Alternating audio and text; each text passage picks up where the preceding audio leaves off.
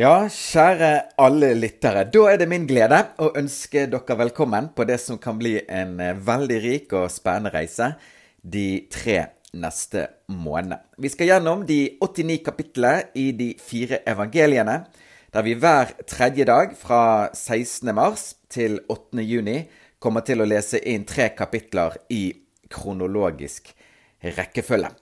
Der målet og håpet er at vi kan eh, få et styrket forhold til evangeliene, men ikke minst et eh, fordypet forhold til evangelienes hovedperson.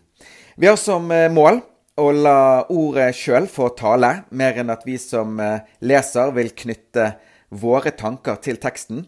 Noe av årsaken til det er at ordet er så dypt og mangesidig og talende at det vil være helt ulike ting, gjerne, som taler til lytterne. Derfor er det en verdi for oss på denne reisen å være lesende mer enn ledende. Paulus sier dog til den uh, unge menighetslederen Timoteus at uh, han skal legge vind på opplesningen av Skriften. På engelsk står det 'Devote yourself to public reading of Scripture'. Innvi deg sjøl til offentlig høytlesning av Skriften. I sommer hadde jeg gleden av å lese en bok av Hans Johan Sagrusten fra Bibelselskapet. Han eh, kalte boken Rik bibellesing. Det gikk på å lese Bibelen regelmessig, i fellesskap og kontinuerlig. RIK. Regelmessig, i fellesskap og kontinuerlig.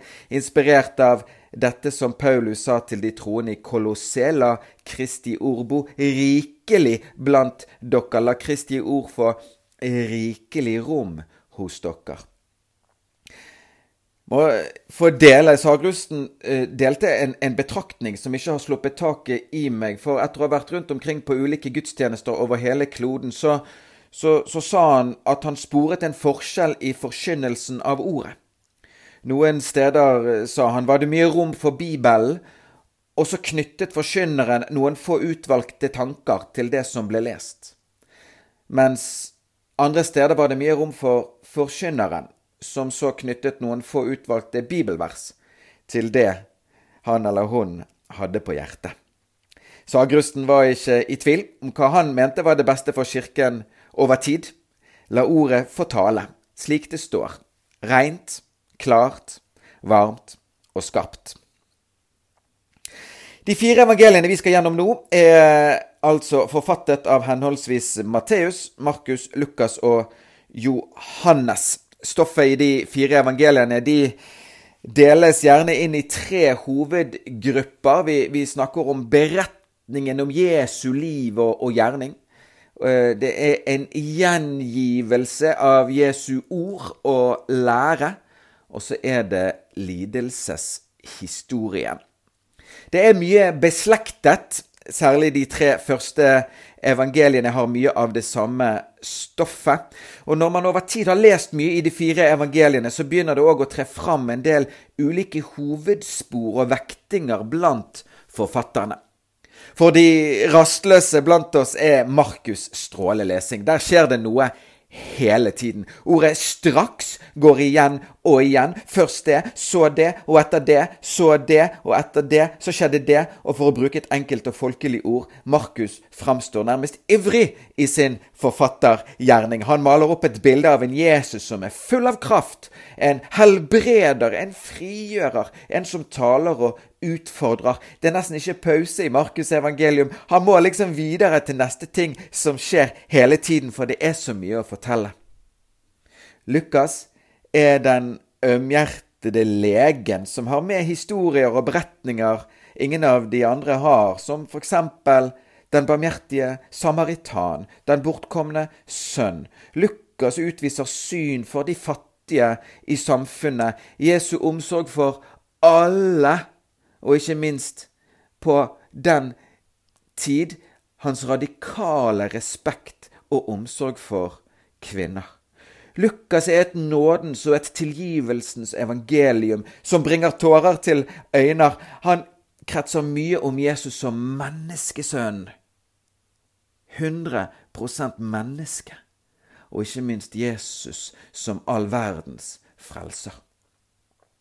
I Johannes evangelium kommer vi i nærkontakt med Sønnen, den Jesus som snakker ustanselig om sin far, den nære Jesus, og vi får del i hans ord og innerste tanker på en unik måte.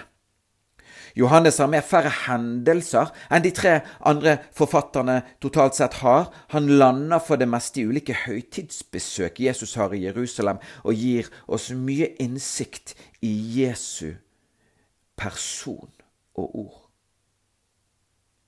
Men vi begynner altså i Matteus. Og før hjulet begynner å rulle her nå, og vi drar i gang ni bolker gjennom hans skriv, så vil jeg gi dere noen knagger for hva som nå venter oss. Matteus søker mer enn noe annet å kommunisere til Israels barn, til jødiske lesere. Hans hovedsak er derfor å påvise at Jesus fra Nasaret er den lovede Messias i den gamle pakt. Derfor vil vi se at han ofte bruker uttrykk som 'for at det skulle bli oppfylt', som var talt ved profetene. Han innleder òg med en ettertavle som betegner nok ikke begynner hos Adam, slik Lukas gjør det i sin etteropplistning, men Matteus tar utgangspunkt i Abraham. Dette gjør han for å hekte hele Israels historie sammen med Jesu fødsel. For å formidle til leserne dette henger sammen.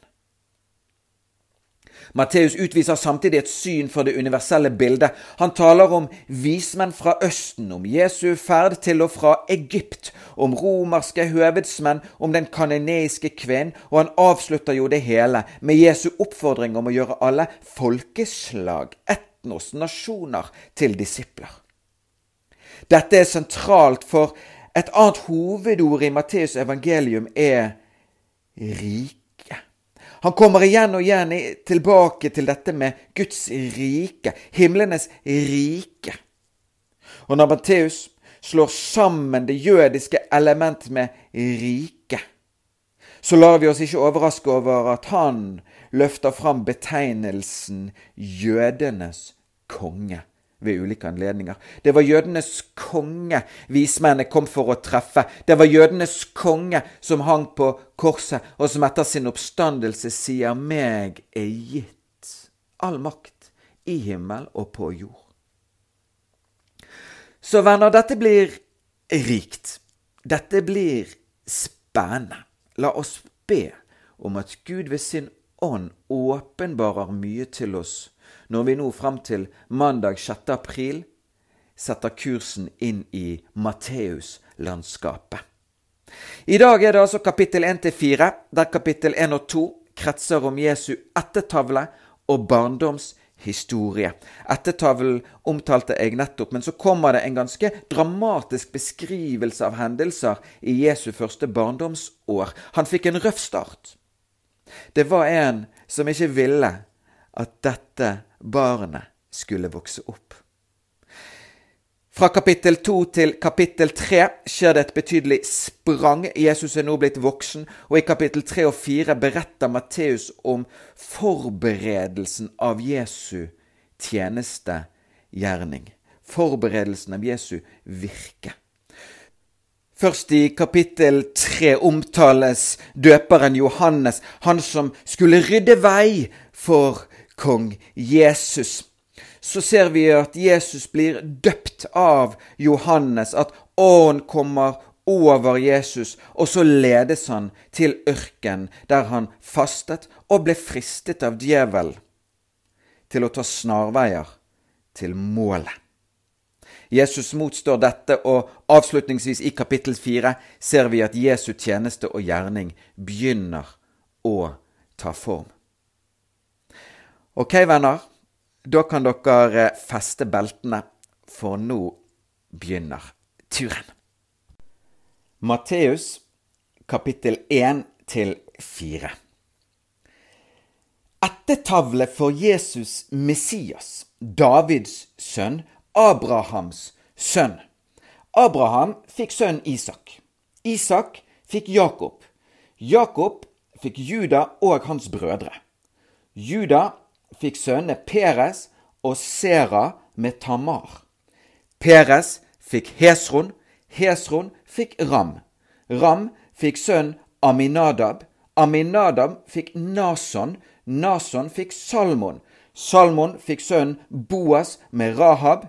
Boas fikk Obed med Ruth. Obed fikk Isai. Isai ble far til kong David. David fikk Salomo med Urias hustru. Salomo fikk sønnen Rehabeam. Rehabeam fikk Abia. Abia fikk Asa. Asa fikk sønnen Josafat. Josafat fikk Joram. Joram fikk Ussia. Ussia fikk sønnen Jotam. Jotam fikk Akas. Akas fikk Hiskia. Hiskia fikk sønnen Manasse. Manasse fikk Amon. Amon fikk Josia.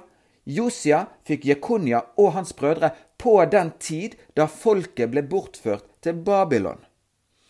Etter bortførelsen til Babylon fikk Jekonias sønn Sealtiel. Sealtiel fikk Serubabel. Serubabel fikk sønnen Abiud. Abiud fikk Eliakim. Eliakim fikk Asor. Asor fikk sønnen Sadok. Sadok fikk Akim. Akim fikk Eliud. Eliud fikk sønnen Eleasar. Eleasar fikk Mattan. Mattan fikk Jakob. Jakob ble far til Josef, Marias mann. Av henne ble Jesus født, han som kalles Messias. Slik er det i alt 14 slektledd fra Abraham til David. 14 ledd fra David til bortførelsen til Babylon, og 14 ledd fra bortførelsen til Babylon inntil Messias. Med Jesu Kristi fødsel gikk det slik til. Hans mor, Maria, var trolovet med Josef, men før de var kommet sammen, viste det seg at hun var med barn ved Den hellige ånd. Josef, hennes mann, var rettferdig, han ville ikke føre skam over henne og ville skille seg fra henne i stillhet. Mens han nå tenkte på dette, så da viste en Herrens engel seg for ham i en drøm og sa, Josef, Davids sønn, frykt ikke for å ta Maria, din hustru, hjem til deg. For det som er unnfanget i henne, er av Den hellige ånd. Hun skal føde en sønn, og du skal gi ham navnet Jesus, for han skal frelse sitt folk fra deres synder. Alt dette skjedde for at det skulle bli oppfylt som Herren hadde sagt ved profeten. Se, jomfruen skal bli med barn og føde en sønn, og de skal gi ham navnet Immanuel. Det betyr med oss er Gud. Da Josef var våknet av sønn, gjorde han som Herrens engel hadde pålagt ham, og han førte sin hustru hjem til seg. Men han levde ikke med henne før hun hadde født sin sønn, og han ga han navnet Jesus. Da Jesus var født i Betlehem i Judea i kong Herodes dager, se da kom noen vismenn fra Østerland til Jerusalem. De sa, Hvor er den jødenes konge som er født nå? For vi så hans stjerne i østen og er kommet for å tilbe han. Da kong Herodes hørte det, ble han forferdet, og hele Jerusalem med ham. Han samlet alle ypperste prestene og folkets skriftlærde og spurte dem ut om hvor Messias skulle bli født. De sa til ham, i Betlehem i Judea, for så er skrevet ved profeten, du Betlehem i Juda land er slett ikke den ringeste blant fyrstene i Juda, for fra deg skal gå ut en høvding som skal være hyrde for mitt folk Israel. Da kalte Herodes hemmelig vismennene til seg og spurte dem nøye ut om tiden da stjernen hadde vist seg. Så sendte han de til Betlehem og sa, Gå av sted og spør nøye ut om barnet, og når dere har funnet det, da meld fra til meg, for at også jeg kan komme og, og tilbe det. Da de hadde hørt hva kongen sa, dro de av sted, og se, Stjernen som de hadde sett i østen, gikk foran dem inntil den kom og ble stående over stedet der barnet var. Og da de så stjernen, ble de over all måte glade. De gikk inn i huset og fikk se barnet med Maria, dets mor, og de falt ned og tilba det. Så åpnet de sine skrin og bar fram gaver til barnet, gull, røkelse og myrra. Men da de i en drøm ble varslet at de ikke skulle vende tilbake til Herodes, dro de en annen vei hjem til sitt land. Da de var dratt bort, da viser en Herrens engel seg for Josef i en drøm og sier, Stå opp, ta barnet og dets mor med deg og flykt til Egypt. Bli der til jeg sier fra til deg. For Herodes kommer til å lete etter barnet for å drepe det. Han sto da opp, tok barnet og dets mor om natten og dro av sted til Egypt.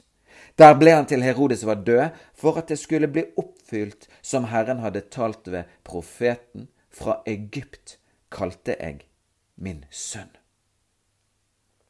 Da Herodes så at han var blitt narret av vismennene, ble han meget vred. Han sendte folk og lot drepe alle guttebarn i Betlehem og alle bygdene i omegnen, de som var to år eller yngre, i samsvar med det han hadde fått vite av vismennene om tiden. Da ble det oppfylt som er talt ved profeten Jeremia, som sier, en røst ble hørt i Rama, gråt og stor klage. Rakel gråt over sine barn og ville ikke la seg trøste, for de er ikke mer. Men da Herodes var død, da viste en Herrens engel seg i en drøm for Josef i Egypt og sa, Stå opp, ta med deg barnet og dets mor og dra til Israels land, for de som ville barnet til livs, er døde. Og han sto opp, tok med seg barnet og dets mor og kom til Israels land. Men da han fikk høre at eh, Arkelaus var blitt konge i Judea etter sin far Herodes, var han redd for å dra dit. Varslet av Gud i en drøm dro han til Galilea. Da han kom dit, bosatte han seg i en by som heter Nasaret, for at det skulle bli oppfylt som var talt ved profetene, at han skulle kalles en nasareer.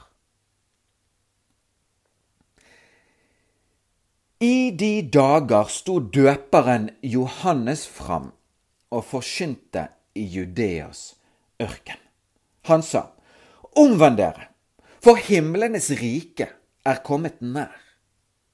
Det er ham det er talt om av profeten Jesaja, som sier, Det er en røst av en som roper i ørkenen, rydd Herrens vei, gjør hans stier rette. Johannes var kledd i en kappe av kamelhår og hadde et lærbelte om livet, og hans mat var gresshopper og vill honning. Da dro Jerusalem og hele Judea og hele landet ved Jordan ut til ham og ble døpt av ham i elven Jordan idet de bekjente sine synder. Men da han fikk se mange fariseere og sadukeere komme til hans dåp, sa han til dem, Ormeyngel, hvem lærte dere å flykte fra den kommende vrede? Så bær da frukt som er omvendelsen verdig. Og tro ikke at dere kan si ved dere selv, vi har Abraham til far. For jeg sier dere, Gud kan oppvekke barn for Abraham av disse steinene. Øksen ligger allerede ved roten av trærne. Hvert tre som ikke bærer god frukt, blir hogd ned og kastet på ilden. Jeg døper dere med vann til omvendelse, men han som kommer etter meg er sterkere enn jeg. Jeg er ikke engang verdig til å bære skoene hans. Han skal døpe dere med Den hellige ånd og ild. Han har sin kasteskovl i hånden og skal rense sin treskeplass. Hveten vil han samle i låven, men agnene skal han brenne opp med ild som ikke kan slukkes. Da dro Jesus fra Galilea til Jordan og kom til Johannes for å bli døpt av ham. Men Johannes nektet ham det og sa, Jeg trenger å bli døpt av deg, og du kommer til meg. Men Jesus svarte han og sa, La det nå skje. for slik er det riktig av oss å fullføre all rettferdighet. Da lot han det skje. Da Jesus var blitt døpt, steg han straks opp av vannet, og se, himmelen åpnet seg for ham, og han så Guds ånd stige ned som en due og komme over ham. Og se, det lød en røst fra himmelen. Dette er min sønn, den elskede. I ham har jeg velbehag. Da ble Jesus av ånden ført ut i ørken for å fristes av djevelen. Og da han hadde fastet i 40 dager og 40 netter, ble han til sist sulten. Og fristeren kom til ham og sa, Er du Guds sønn? Så si at disse steiner skal bli til brød. Men Jesus svarte og sa, det står skrevet. Mennesket lever ikke av brød alene, men av hvert ord som går ut av Guds munn. Da tok djevel ham med seg til den hellige stad og stilte han på tempelets tinde. Og han sier til ham, Er du Guds sønn, så kast deg ned. For det står skrevet, han skal gi sine engler befaling om deg, og de skal bære deg på hendene, for at du ikke skal støte din fot mot noen stein. Jesus sa til ham, det står også skrevet, du skal ikke friste Herren din Gud. Igjen tok djevelen ham med opp på et meget høyt fjell og viste ham alle verdens riker og deres herlighet. Og han sa til ham, alt dette vil jeg gi deg dersom du vil falle ned og tilbe meg. Da sa Jesus til ham, Bort fra meg, Satan, for det står skrevet, Herren din Gud skal du tilbe, og ham alene skal du tjene. Da forlot djevel ham å se engler kom og tjente ham. Da Jesus fikk høre at Johannes var blitt kastet i fengsel, dro han bort til Galilea. Han forlot Nasaret og bosatte seg i Kapernaum, som ligger ved Galileasjøen i Sebulons og Naftalis landområder, for at det skulle bli oppfylt som er talt ved profeten Jesaja. Sebulons land og Naftalis land ved veien mot sjøen, landet på den andre siden av Jordan, hedningenes Galilea, det folk som satt i mørket, har sett et stort lys. Og for dem som satt i dødens land og skygge, for dem er et lys opprundet. Fra den tid begynte Jesus å forkynne og si, Omvend dere, for himlenes rike er kommet nær. Da han vandret langs Galileasjøen, fikk han se to brødre, Simon, som kalles Peter, og hans bror Andreas. De var i ferd med å kaste not i sjøen, for de var fiskere. Jesus sier til dem, Følg meg, så vil jeg gjøre dere til menneskefiskere. De forlot da straks sine garn og fulgte ham. På veien videre derfra fikk han se to andre brødre, Jakob, sønn av Sebedeus, og hans bror Johannes. De satt i båten sammen med sin far Sebedeus i ferd med å bøte garn, og han kalte dem. Og de forlot straks båten og sin far og fulgte ham. Jesus dro omkring i hele Galilea. Han lærte i deres synagoger, forkynte evangeliet om riket og helbredet alle slags sykdommer og plager blant folket. Ryktet om ham kom ut over hele Syria, og de førte til ham alle som hadde ondt, og som led av forskjellige sykdommer og plager, både besatte, månesyke og lamme, og han helbredet dem. Og store folkemengder fulgte ham, fra Galilea, Dekapolis, Jerusalem, Judea og bygdene på den andre siden av Jordan.